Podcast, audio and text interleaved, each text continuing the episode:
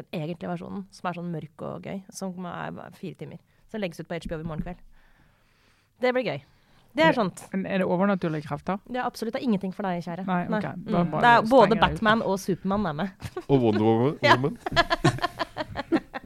Men ikke utredningsinstruks. Nei. God natt.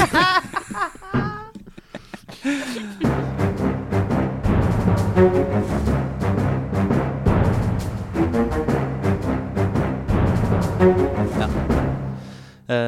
nettopp. Eh, Velkommen til denne ukens Aftenpodden. Vi er på plass i eh, smittevernvennlige studio. God morgen, Sara Sørheim. Hallo, god morgen. Lars Glomnes. Takk, takk. Veldig fint. Trine Eilertsen, god morgen, god morgen. God formiddag. God formiddag. Og Kjetil Alstheim, hei, hei. Hei, hei. Eh, På plass, ny uke, nye muligheter til å, å se, finne ut av det som skjer i politikk og samfunn og debatt og det som måtte være. Eh, vi kan jo bare aller først si at eh, Aftenpodden USA fortsatt eh, går og har interessante episoder i sin egen feed, så de som hørte på den hos oss i fjor, kan høre på den fritt. Og så uh, vil jeg jo takke deg, da, Kjetil, for du har vært nyhetsbrevansvarlig mens jeg har vært i pappaperm. Jeg har vært, fått være vikar for deg, rett og slett. Ja, det er alltid farlig å ansette flinkere vikarer enn uh, en faste, men det, det, det får man bare, bare tåle. Så de som ikke har meldt seg på det ennå, kan gå på aftenpodden.no, og så får man da hver torsdag et nyhetsbrev med eh, lenker og ting vi har snakka om, uh, ting vi syns er interessant, og en eh, ukentlig quiz. Så det er bare å, bare å gjøre eh, for abonnenter. Men det er jo en nedstengt uke med mye, mye dårlige nyheter, får man egentlig si. Ja, det er litt mørkt, rett og slett. Det må være lov å si akkurat nå. Ja. Men det er noen som tar seg til rette. Det er noen som sørger for å gi oss likevel litt å ikke, Kanskje vi ikke glede oss over, så i hvert fall noe liksom, andres problemer å kose seg med. Det er jo også en slags trøst. Har det vært fylkesårsmøte, så har det vært fylkesårsmøte. Altså, det er fint fordi noen eh, tradisjoner i politikken er så sterke at altså, pandemier kan komme og herje nasjoner og folk, og de lar seg ikke stoppe. Så når det har vært eh, politisk møte i eh, Nordland Arbeiderparti fylkesparti, så arrangerer man nachspiel. På isvitte. Ja, ja. Og det er bare for å si det at det nachspiel i i forbindelse med sånne politiske årsmøter, det er helt normalt. Det er jo som Men- Arbeiderpartiets nye slagord er. Nå er det vanlige folks tur. Men det er jo altså som om ikke nachspiel, uh, suite og Arbeiderpartiet var som brannfakkel og, eh, og grunn nok til å lure på hva som skjedde, så er det jo da en slags nasjonalt gjennombrudd for nestleder Bjørnar Skjæran. Har det blitt et navn, navn på alles lepper etter hvor lenge har han vært nestleder nå? To år. To år? Ja. Men det syns jeg var effektivt. Det var effektivt. Han ble introdusert som ukjente Bjørnar.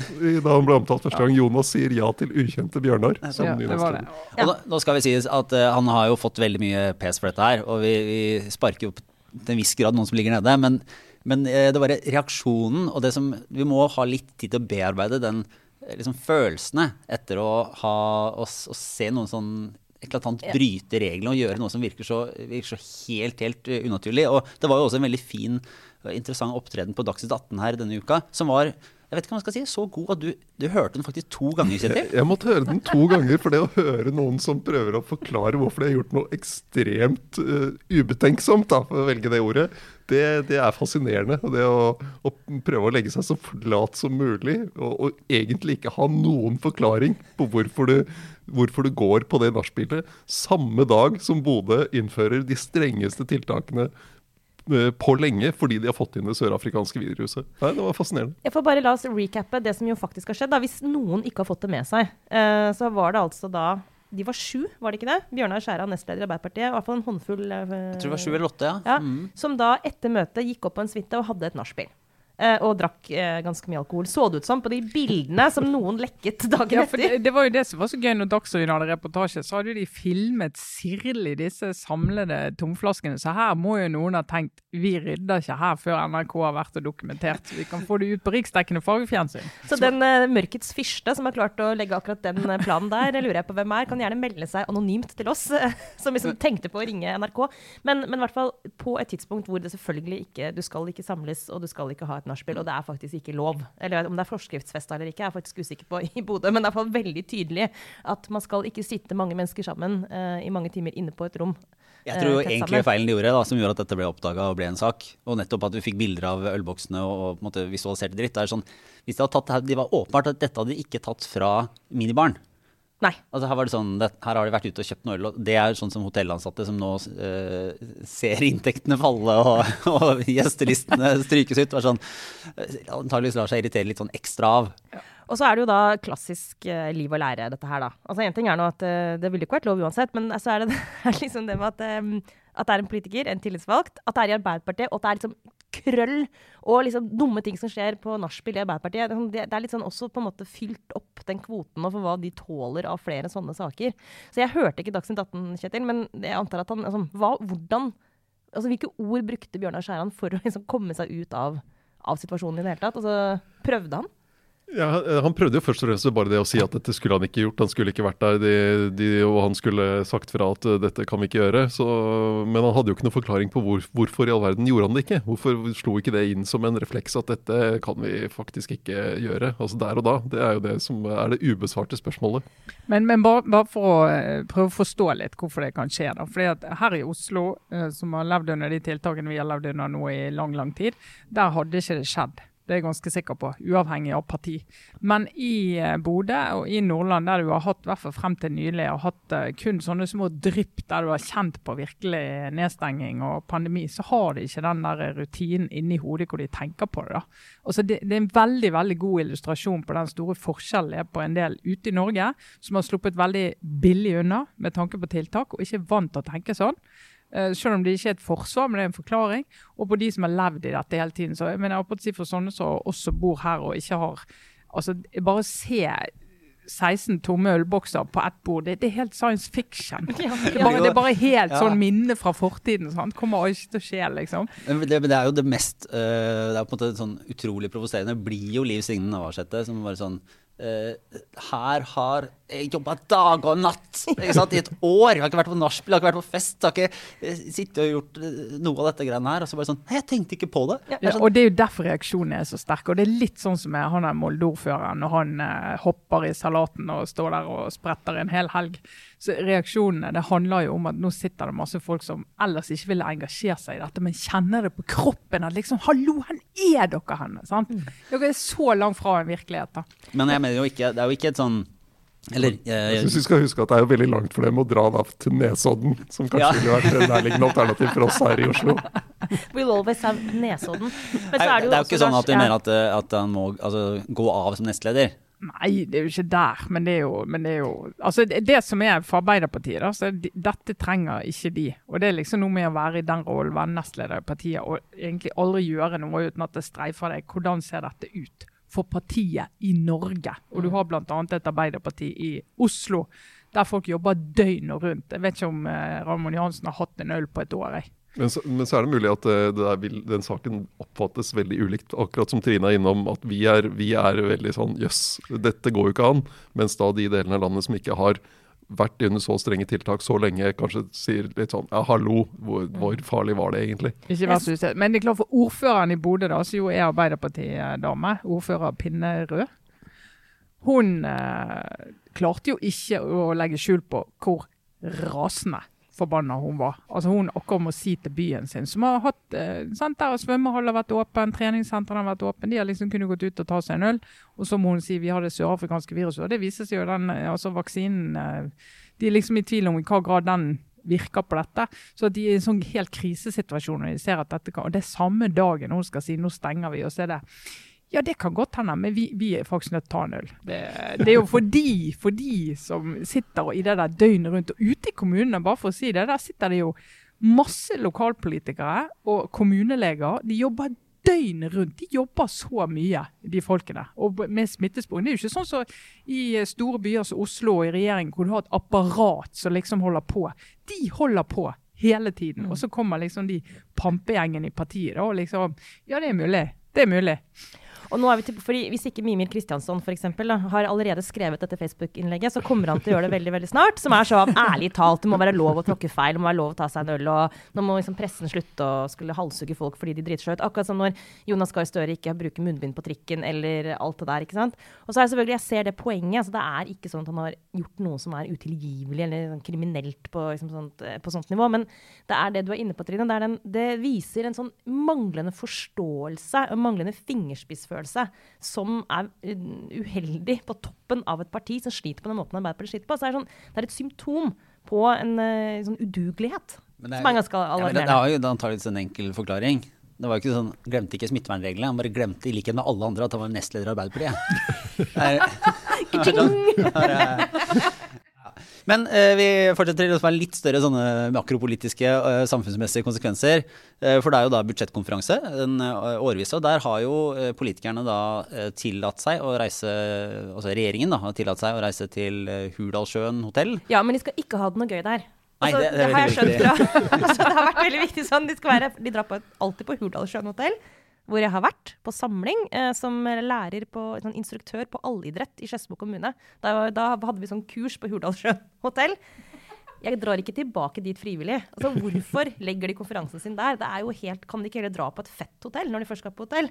Og i tillegg i år har de jo hatt de sykt strenge eh, reglene der. Så de har jo ikke kunnet liksom omtrent eh, altså De har holdt seg så mange meter unna hverandre og vært så alkoholfritt og kjedelig som det er mulig å få til, har jeg inntrykk av.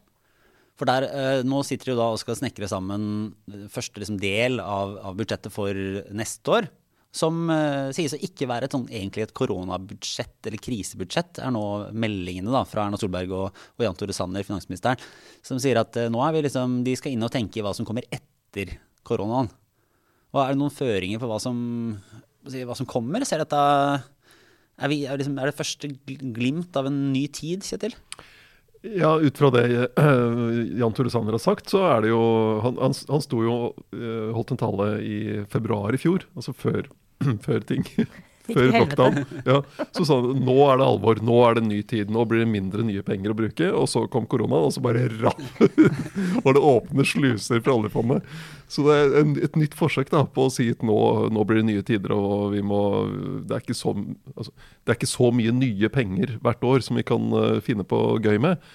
Eh, men spørsmålet er jo hvor ferdig er vi med pandemien uh, til høsten? Hvor, eh, hvordan er ettervirkningene av, uh, på arbeidsmarked og ja, skoler, elever? Hva, slags, uh, hvordan, hva må man gjøre for å, for å ta igjen det tapte?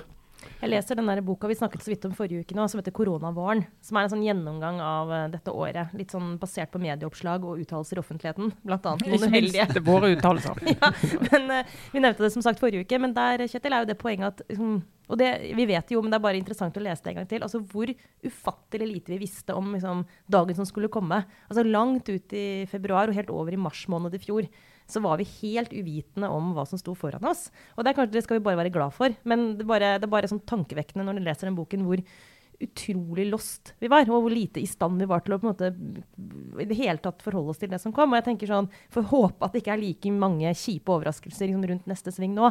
Men det å i det hele tatt uttale seg om hva vi kan regne med at kommer i løpet av neste år Uh, det ville vært, Selv jeg ville vært veldig forsiktig med det, tror jeg. Hvis jeg skulle, og det å lage et budsjett nå for altså jeg, jeg skjønner nesten ikke at det går an engang. Hvordan skal man gripe fatt i det? En ting er at vi ikke vet om pandemien egentlig er over i det hele tatt. Noe annet er jo at de der konsekvensene av tiltakene, både psykososialt og økonomisk og for tilliten i samfunnet altså, Jeg har bare sånn ekkel følelse at det kommer et sånt skred. altså Vi vet ikke ennå liksom, hva de konsekvensene kommer til å være. Vi vet bare at det kommer til å bli utrolig dyrt og veldig veldig vanskelig å reparere. Hvordan griper man det an? Eh, Eller, eller har de bare gitt opp og kaster de dartpiler liksom, på veggen? Men, men, men jeg, jeg tenker at de er nødt til å, å være veldig tydelige på at vi ser ikke rekkevidden av det vi har vært gjennom nå. Altså, og på å si, De enkle tingene i gåsetegn det er jo å telle antall arbeidsledige og antall bedrifter vi har mistet, og så, og så kompensere for det. Og se på inntekter og kroner, ting som skjer akkurat nå. Men de, det som har skjedd med, skjedd med barn og unge, skjedd med en del lokalsamfunn, med familier, med innenfor en del yrker, innenfor en del bransjer, som kommer til å ta mange mange år. For det første kommer det til å ta lang tid å få oversikt over det. Mm. Eh, Og for det, for det andre kommer det til å ta mange mange, mange år før du kan på en måte si at nå er vi over den kneiken, den bølgedalen alle disse datt ned i eh, i forbindelse med korona. Og hvis- du skal budsjettere for det, det klarer du ikke å gjøre. Men det du er nødt til å si, er at nå må vi i hvert fall ikke sette penger på alt mulig annet før vi har fått oversikt. For vi kan ikke havne der at ikke vi har mulighet til å jobbe med det og sette penger til det som virkelig teller, og de som virkelig fikk svi i dette året vi har lagt bak oss. da. Men nå har det vist seg at det har jo alltid vært mulig å finne litt ekstra penger. Det har jo stort sett hvert år vært snakk om at det er på tide å kutte ned, og vi har jo messa litt om, om dette her i, i podkasten også jevnlig. Nå lager vi et budsjett som med relativt stor sannsynlighet kommer til å bli tatt videre av en ny regjering. Det er jo valgkampbudsjett òg. Ja, så det, de, to, de to tingene møter hverandre. da. Ja. Det, er på en måte, det det budsjettet som kan lekkes fra, og som, som regjeringa som sitter nå, kan bruke for å, for å peke framover. Samtidig som det skal ganske mye til at ikke det er budsjettet som en ny regjering vil måtte eh, ta hånd om. Så spørsmålet er, er det, taler det for mindre eller mer pengebruk og større eller mindre ambisjoner? Det, det er jo litt, altså jeg, jeg tror vi kommer til å få et ganske romslig budsjett uansett. rett og slett fordi at Man kommer til å si at ok, vi vet dette og dette om de skadevirkningene. Så det er jo ikke sånn at vi skrur av ekstrabruken av oljepenger når vi kommer til august fordi om vi er vaksinert og pandemien for så vidt ikke plager oss mer på den måten. da. Men det som blir jo interessant, er jo innretningen på det. For det er jo, det er jo der politikken kommer inn. sant? Hvem er det du prioriterer først? Hvor er det du mener du må starte? Kan du ta alt på en gang? Har du noen fas, tanker om faser her? Eh, og der er det jo det er masse politikk i det, så de, den nye regjeringen er nødt til å forholdes til da, hvis det blir, det, hvis det blir en ny regjering. Eh, og så er det jo sånn, spørsmålet er, skal du, eh, Når du ser at du har ettervirkninger av pandemien og du trenger tiltak her og der, skal du da legge det bare på toppen av alle andre ting? Eller skal du da faktisk gjøre en prioritering og si at det er dette som er viktigst nå, det er det vi skal bruke penger på? Ja, og hvor, hvor liksom, romslig er egentlig den pengesekken? Altså, jeg, jeg klarer ikke lenger å forholde meg til liksom, antall nuller bak de krisepakkene, altså de summene i de krisepakkene som har blitt uh, allerede brukt opp. Uh, og vi er liksom kanskje halvveis i en sånn situasjon hvor uh, bransje etter bransje trenger helt reelle krisepakker. Og så kommer det helt utrolig godt begrunna uh, utspill om f.eks. at nå er det på tide å gi barn og unge et løft. Eller hva med de eldre som har vært ensomme i et år? Altså, er det noen av dere som klarer å eh, ha en sånn begrunna eh, følelse av liksom sånn, hvor langt kan vi strekke oss? Jeg, jeg tror du kan, altså På pengesiden, det er jo veldig ofte i hvert fall når det er krise, så er ikke det problemet i Norge. Men det som du vil, det som du vil merke, er jo det ja, på folk. Altså Hvis du sier det, nå skal vi ha et løft for barn og unge. Hva konkret betyr det? Hva betyr det? Betyr det flere helsesøstre i skolen? Ok, det, kan, det er sannsynligvis veldig viktig og riktig å gjøre. Hvor skal du ta de fra? Betyr det flere i barnevernet? Er det noen som vil jobbe der? Hvor skal vi få tak i de fra? Altså, du må helt ned i denne konkrete. Hvordan skal dette løftet eh, gjennomføres? Hvordan skal du klare å liksom flytte innsatsen fra et annet sted eh, til der du sier at du skal prioritere? Da? Og Der føler jeg ikke at noen egentlig har vært veldig konkrete ennå. Men det er kanskje fordi de ikke helt ser rekkevidden av konsekvensene. Og så er, det, så er det noen ting, så det er noen ting vi vet uh, av, av konsekvensene, sånn som Trine var innom at du har det, Pandemien har slått sterkest i en del områder som fra før var utsatt. Eh, vi var innom denne NOU-en som kom om levekårsutfordringer i byene. Der du ser du har uh, en del områder i de største byene, Oslo selvfølgelig, men også Bergen, Stavanger, uh, Fredrikstad og Trondheim, der du har en sånn opphoping, opphopning av ulike ja, levekårsutfordringer, som man sier. Med, med trangboddhet og lavt utdanningsnivå, eh, en del språk, eh, høy ledighet, eh, sånne ting. Og der, det, er, det er jo akkurat de områdene, særlig i Oslo nå, der eh, pandemien rammer hardest. Så der vet du at vi har behov fra før som er forsterket nå. Så hvis du skal hvis du skal forsvare og, og hvis du skal prioritere det som er viktigst, så er det noe av det som er viktigst. Det å få satt inn ressurser der for å gi de barna og unge som vokser opp der, likere uh, muligheter i livet. Og det er det eneste Med hvis man, hvis man skal tvinge seg selv til å tenke sånn, finnes det noe positivt ved situasjonen, og det, da skal man grave ganske dypt. da. Men, eh, men akkurat det der at man har fått tydeliggjort til fulle hvordan den der blodige urettferdigheten fungerer. De som har det verst, de får det også verre når det skjer en, en eh, som dette eksempel, den krisesituasjonen. Ja, det går hardest utover de som allerede har det kjipest. Eh, og jeg må bare si at jeg så en, em, en bekjent skrive på, som bor i gamlebyen i Oslo. Skrive, og Det er mange Facebook-innlegg som har vært i, den, i det toneleiet. Men hun skrev bare sånn Nå orker jeg ikke mer. Så hører jeg én politiker til nå si noe om hytta. Så klikker det for meg. liksom. For i min bygård så bor det familier med massevis av unger inne i leiligheter. De har aldri vært på en hytte. De kommer aldri til å komme seg på en hytte. Altså Hytte fins ikke i deres verden. Og de går og tråkker inn i leiligheten her dag ut og dag inn uten noe tilbud. Uten noen ting, liksom. Og jeg bare kjente jeg leste, kjente jeg sånn Ja, fy fader. Altså Når Ropstad da sier sånn Finn på noe annet hyggelig. Dra ut i hagen til besteforeldrene deres og, og, og lag en snømann sammen. Så, hvilken jævla hage snakker du om, liksom? Det er ikke, ja. Så akkurat det perspektivet der, de, jeg tenker, liksom, altså, de ungene som bor i de leilighetene uten noe tilbud, som ikke har hatt noe tilbud på et år ja. mm. Samtidig se må vi legge til Vi skal ikke ha noe hytteforbud Nei, denne det, det, må, det, må, det må bare det er disclaimer, bare sånn at det ikke blir tvil om, eh, om uh, hovedlinjen her. Så at ingen misforstår dette budskapet fra Sara. Altså, jeg er jo den eneste her, tror jeg, som ikke har hytte. Eh, men jeg har jo eh, ganske mange hytter. Ja. Du, sitter jo i hytte i Sandefjord hele sommeren. Ja, ja, men det er liksom svigerfamilien sin, da. Så ja. Nei, jeg skal, jeg skal ikke utfordre Aftenpostens lederposisjon på hytte, hytteforbudet. Men, men, du har jo, men, det, men det som går an å si som en litt sånn, kanskje litt naiv oppfordring, for jeg er jo mye på hytte. Jeg har faktisk vært på hytte hver helg siden slutten av november, med unntak av julehelgen. Det kan jeg bare si. Det er min uh, li, livlinje. Men da, da er det så mange hytter som ikke er i bruk, som står der. Så tenk hvis folk som ikke bruker hytten, kunne bare si nå vil jeg at noen andre skal få lov å reise dit i påskeferien, som ikke har vært på hytte hele vinter. Reis opp der, vær der. Del påsken i to. Gi to familier mulighet til å bruke hytten.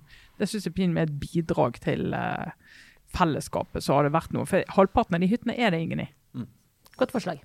Vi går, jeg tror vi går inn i en runde med obligatorisk refleksjon, fordi du har vel en slags budsjettkonsekvenstanke her, eh, Ja, altså, Kjetil? ap apropos prioriteringer. Nå har jo altså Kristelig Folkeparti slitt jo big time på målingene.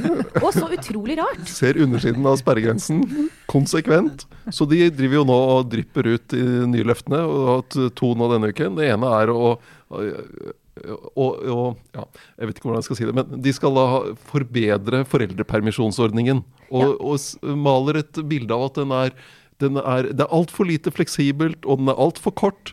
Altså, den er 59 uker, hvis du tar 80% 59 uker. Den er altfor lang, den permisjonen. Pluss, pluss at folk som regel også har noen ferieuker som de kan legge på. Og, og den er jo så ikke fleksibel, det er nesten umulig å få svar på når folk skal ta ut permisjonen. Altså Hvis den skal bli mer, hvis den skal bli lenger, som KrF vil ha nå, og enda mer fleksibel, så blir det jo snart sånn at folk kan spare opp foreldrepermisjon for å ta den ut når de skal øvelsesgjøre med ungene. Altså, Og i tillegg så skal de ha en ekstra ferieuke for, eh, for barnefamilier, småbarnsfamilier, som skal koste 7 milliarder kroner. Ja! Altså, ja, apropos det vi var innom i stad. Hvis, hvis, hvis KrF, som er, sier de er opptatt av de svakeste i samfunnet, skal bruke penger på den måten, så har de jo ingen troverdighet. Vet du, det, det partiet der og et par andre partier de er nødt til å utfordres på noe som heter marginal nytte av kroner brukt. Du må gå inn og se, altså På eh, foreldrepermisjon så kommer du til et punkt hvor uke for uke så øker den marginale nytten både for de som bruker den og for samfunnet. Nå er vi, Det har vi passert for lenge siden. Og det påvirker ikke viljen og å si, evnen til å få barn. Det er jeg 100 000 sikker på. Men Altså, om noe er iallfall motsatt. Altså, Du sitter ikke der og sier skal vi få barn nummer tre. Ja, vet du, vi får en ekstra ferieuke. Vi får barn nummer tre. Hæ? Det, det, det funker ikke sånn. og en uke til på den litt for, lit, eh, litt for eh, trange hytta, med ennå en unge. Eh, Eller uten hytte. For ikke si Sånn, Hell no! Vi vil heller jobbe. Altså, det der, eh, nå, nå, dette er selvfølgelig altså, Folk er forskjellige. Men uh, husker andre gangen jeg var ute i foreldrepermisjon. Altså, den varte ikke en uke for kort. eller hvordan blir det? Altså, den permisjonen der. Jeg husker når jeg gikk tilbake til jobben da, så føltes det som en ren Det hadde sånn lykkerus i hele kroppen å få lov til å være en del av arbeidslivet. Det er fantastisk. Men, men bare for å si en artig eh, en parallell som ikke er helt relevant for KrF. Men la oss si at du sitter og tar deg noen glass, og så tenker du nå ble jeg så brisen at det var gøy. I øyeblikket så kan du tenke at hvis jeg drikker dobbelt så mye nå, så blir det dobbelt så gøy. Men det blir det ikke. Du blir bare veldig bakfull. Og det er akkurat det samme. Jeg vil da slå et slag for eh, og en takk for den permisjonsordningen som er. Som jeg nå er tilbake i arbeidslivet mer eller mindre fullt etter fleksibel, eh, fleksible 25 uker ut av, eh, ut av vanlig drift. Ja, men det er ikke som du nå tenker at du skulle ønske du hadde fire uker til, eh, eller? Eh, nei, det er, fint. Nå fordeler jeg jo fortsatt videre eh, for å ha barnehageplass. eh, helvete. Jeg vil heller ha barnehageplass enn eh, en ekstra fire uker. Nettopp. ja. si Og det. og det vet du hva, det tror jeg barnet ditt vil òg. Ja, det er noe, det er ikke noe tvil om.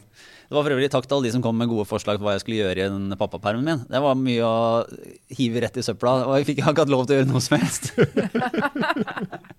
Bare, ja ja. Nei, men eh, åssen er det med deg, eh, Sara? Jo, jeg kan jo fortsette litt, ikke helt det samme spor, men, eh, men jeg har gått i, og tenkt litt på uh, denne uka her at uh, jeg, har gått, jeg har egentlig lyst til å på en eller annen måte, selv om det er veldig vanskelig, jeg må lete etter ordene, men jeg har lyst til å si noe hyggelig om politikerne våre. uh, eller, på, eller for å omformulere meg, jeg, har, jeg tenker, har tenkt mye på hvor glad jeg er for at vi ledes av nettopp folkevalgte. Og ikke av eksperter eh, eller andre som eh, har som jobb å f.eks. For forutse smitteutvikling eller eh, andre typer sånne smale ekspertfelt. Helt konkret nå denne uka i Oslo, på mandag, når det kom endelig utpå kvelden kom pressekonferanse med nye tiltak. Da hadde mange av oss i pressen sittet, og, og sikkert mange andre òg, sittet sånn hele dagen. Vi visste at det kom til å komme et eller annet. Skjønte at det var en vanskelig avgjørelse for ledelsen i kommunen, fordi det tok vinter og vår.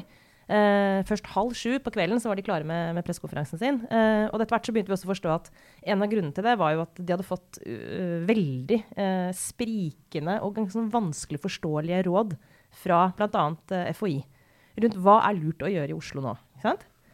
Og den der, den der beslutningen som kriseledelsen i Oslo kommune måtte fatte i løpet av mandagen, den er så vanskelig å ta, den. Altså, det er en så ufattelig krevende Vi kan jo gå litt inn i de ulike sidene her, men så, sånn, overskriften er jo at du har uh, utrolig mange hensyn som krasjer i hverandre. Og det finnes ikke en eneste god løsning. Uansett hva du velger, så går det utover en eller annen gruppe eller utover et eller annet prinsipp som er kjempeviktig for deg.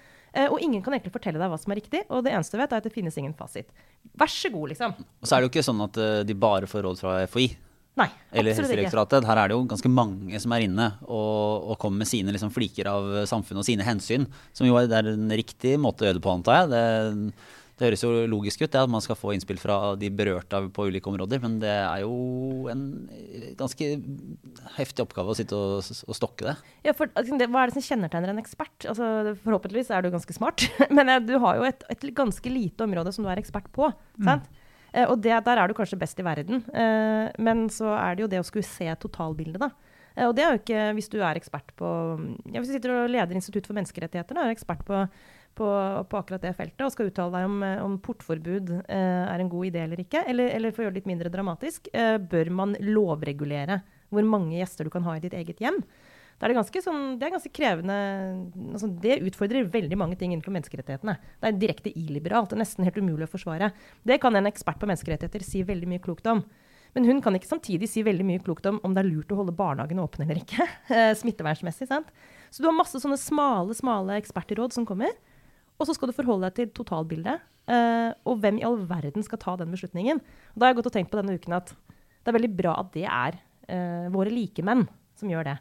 Altså de tillitsvalgte, politikerne våre, som da sitter der på vegne av oss. Og de er ikke noe smartere eller bedre mennesker eller egentlig i noe bedre posisjon til å ta den avgjørelsen enn det vi ville vært.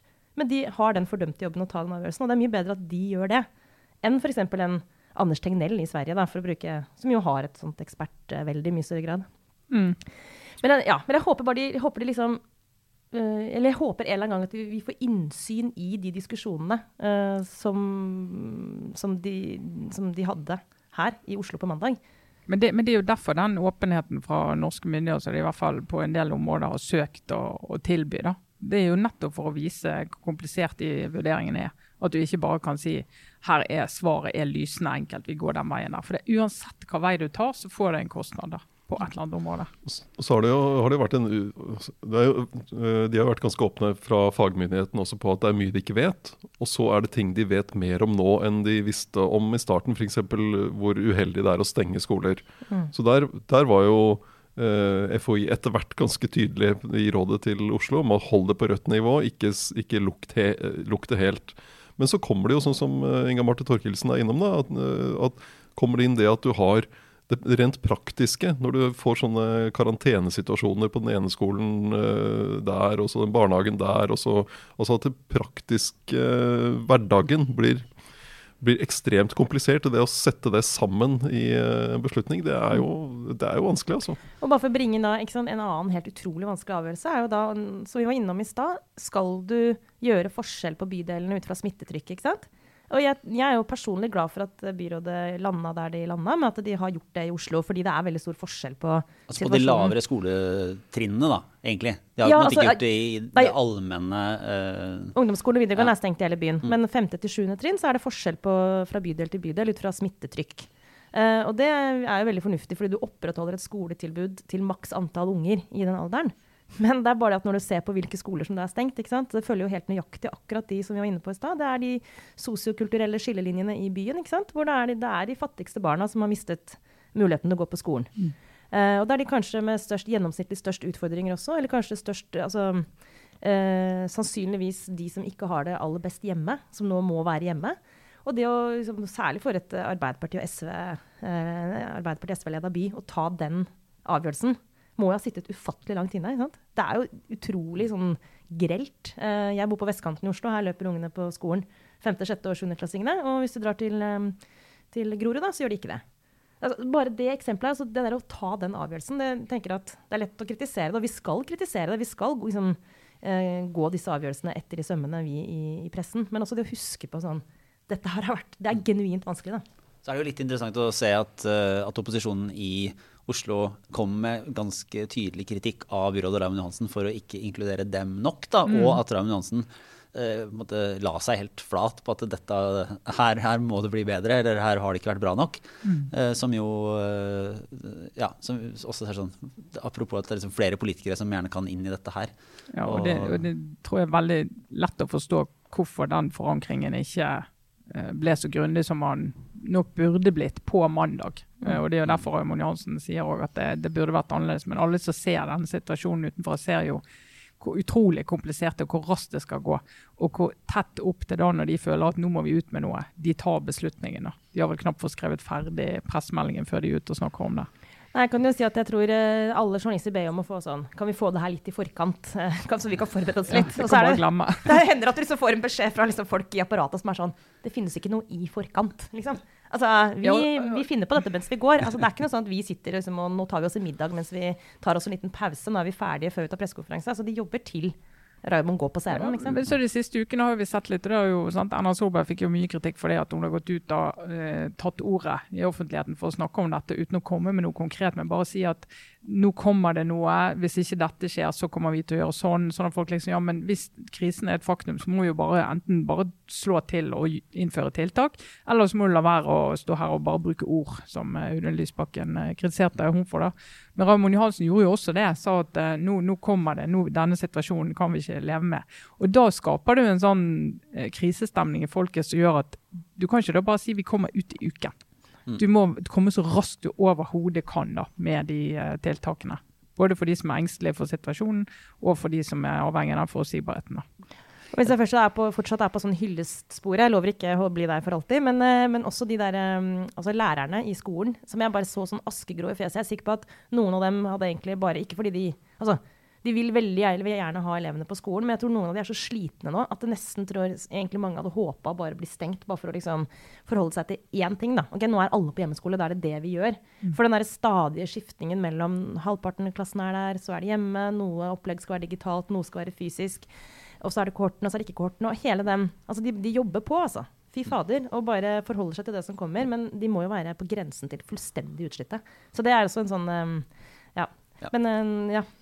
Ferdig. Jeg, jeg, jeg, kan jo fortsette. Det blir jo litt mye sånn rosa politikere, da, men uh, Skal du også begynne nå? Nei, jeg skal, jeg skal faktisk komme at gi litt flere privilegier. Du kan vende litt tilbake til Bjørnar Skjæran. Ja, ja. Dette er fordi jeg tenker at eh, jeg er kanskje streng da, på at uh, politikere ikke skal få lov til å, til å gå på, på nachspiel og bryte uh, reglene.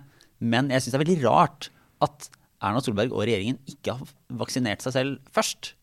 Og jeg forstår ikke helt at, at det er en sånn Eh, jeg kan jo skjønne at det ser, hvis du virkelig har lyst til å være vrang på det, at det ser ut som en sånn uh, likhetsgreie. At de skal ikke snike i køen og skal ikke det. Men altså, statsministeren må jo Hun har valgt å løfte fram til det liksom, høyeste emnet vi har i landet for å styre.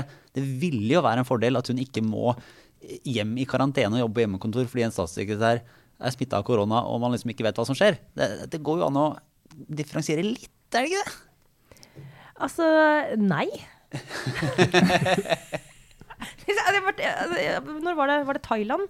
Var det, ja, det var vel Thailand denne uken her, hvor liksom uh, generalsjefen der sånn, uh, sitter, liksom, Det første landet med så få vaksine. Så liksom får sprøyte, sprøytestikket. Statslederen får sprøytestikket. Det er, jo et sånt, det, er jo, det er jo selve bildet på et land som ikke fungerer, hvor demokratiet er liksom ikke maks. Altså, ja, jo, jo. Israel òg var jo ja, Netanyahu ja. først og fikk, og det var jo kjempeviktig for folks tro på vaksine, blant annet på en vaksine som har blitt utviklet i supertempo, så ser du at noen av de si, viktigste i landet sier dette stoler jeg på, jeg tar han. Men jeg vil heller bo i det landet hvor han fyren på gamlehjemmet på Ellingsrud får den sprøyten. Det, det Ja, det, det landet bor du jo i. Ja.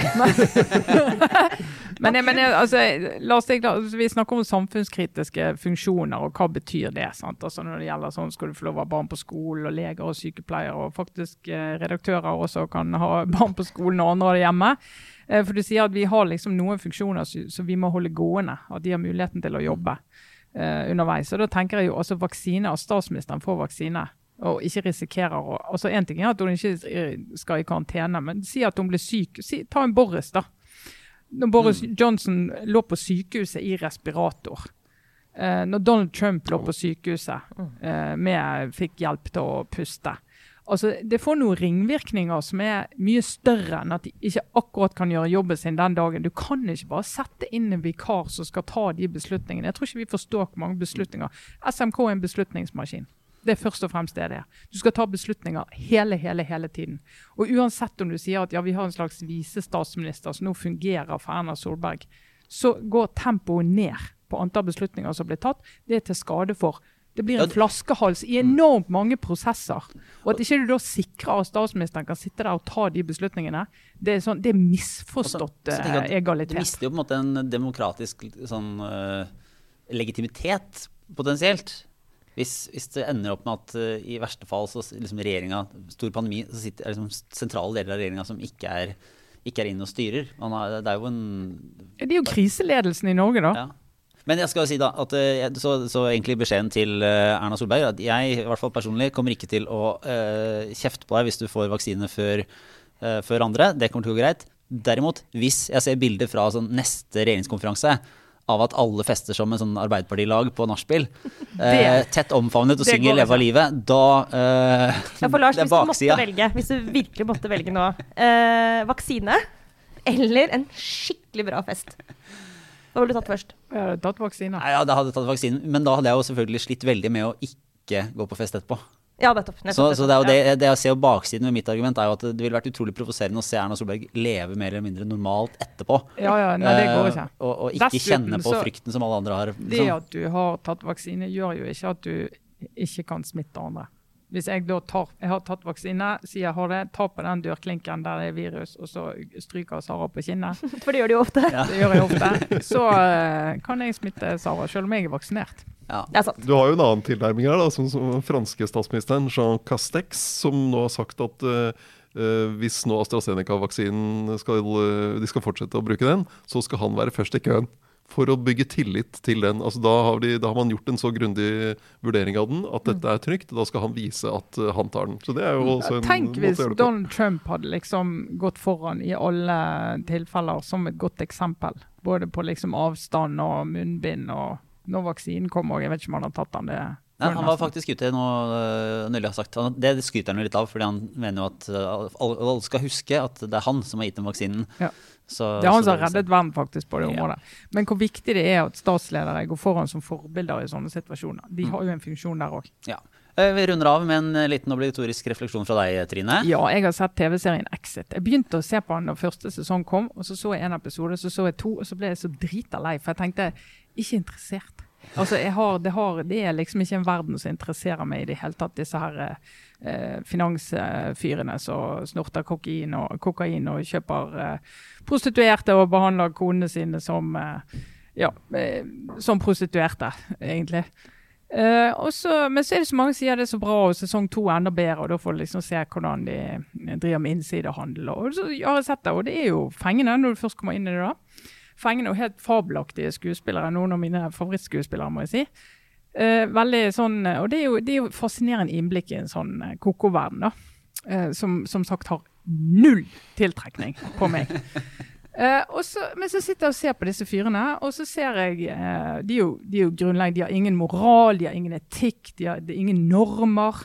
Eh, de er enormt selvsentrerte, veldig dårlig menneskesyn. sant? Altså alle, alle de verste fordommene du har mot det segmentet i samfunnet, de slår jo rett inn. sant? Og har til og med sett folk som står på Stortinget og snakker om at liksom disse Exit-fyrene eh, regjeringen nå vil gi skattelette til, så klarer du faktisk å stemple en hel bransje som eh, sosiopatiske egoister og pengejagere, da.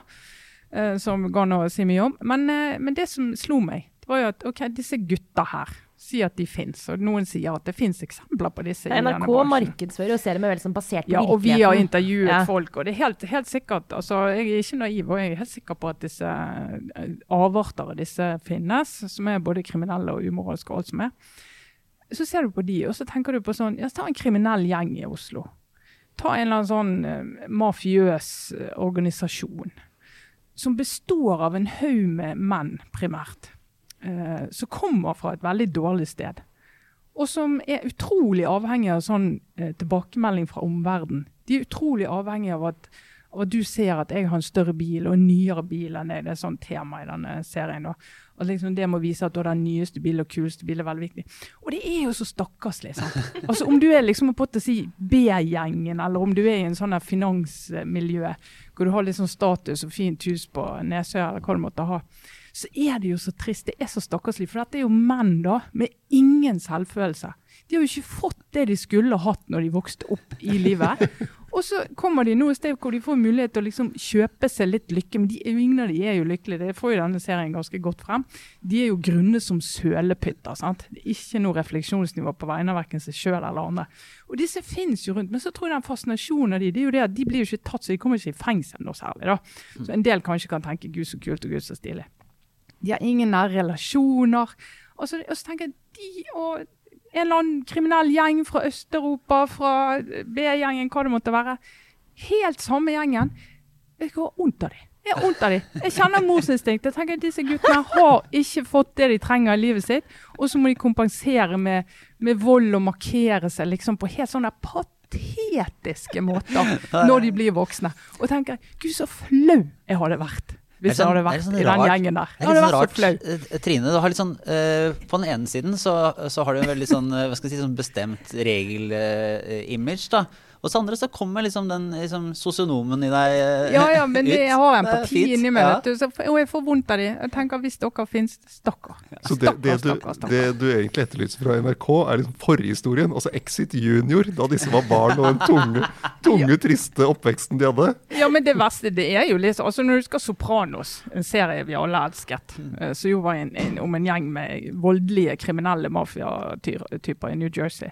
I USA, sant? Du blir jo veldig glad i det, sant? fordi at du kom tett på og så at ja, hjemme hadde de litt sånn samme problemene som alle, og de hadde noen ungdommer som løp rundt. og det var, Du ble litt sånn glad i det, fordi problemene var universelle. Og så holdt de jo på med ting når de var på jobb som var bare helt sånn det er så sosiopat, psykopat, ko-ko.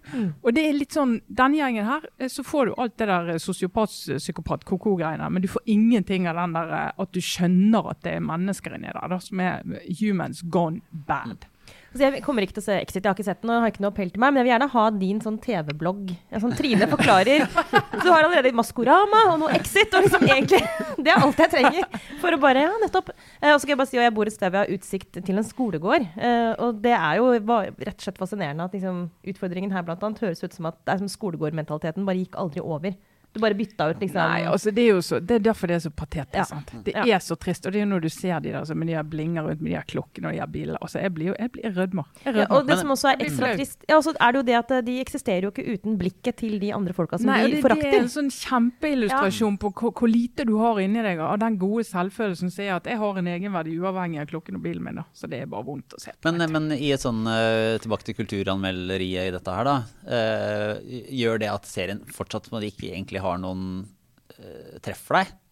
Jo, Eller- eller er det sånn at du- jo, du- han de gjør det, men, men jeg sitter og irriterer meg litt, for jeg syns at de kan gå litt eh, lenger inn i det menneskelige. For det er greit, altså, de, de lykkes jo med det, for det er jo altså, på å si det politiske prosjektet i serien er jo å vise eh, hvordan enkelte mennesker aldri betaler skatt og kommer unna med hva som helst. At du kan drive med innsidehandel, og det er veldig vanskelig å finne ut hva som har skjedd, så de, de blir ikke straffet for det.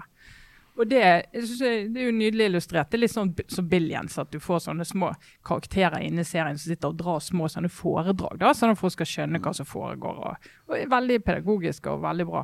Men, men hvis de skal ha en sesong til, så tenker jeg at du må liksom vri det til litt på det her menneskelige. og ja.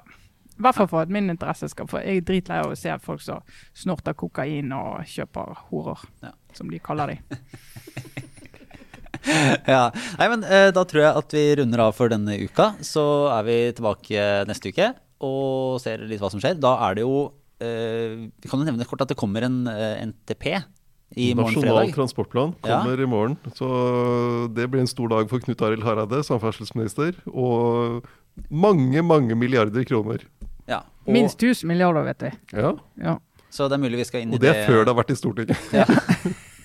og så driver de og forhandler om klimameldingen, så den skal jo komme også en avgivelse på neste uke. Så det kan vi glede oss til å snakke om, da. Så utrolig fantastisk å ha noe å glede seg til. Klimameldingen og Nasjonal transportplan. Ja. What's not to like? Altså, det kan at eh, hele Norge, eller i hvert fall store deler, er stengt ned og eh, utsiktene ikke er så veldig lyse, men vi kan i hvert fall se fram til det neste uke. Nei, men da ser alt mye lysere ut. Ja. Hurra.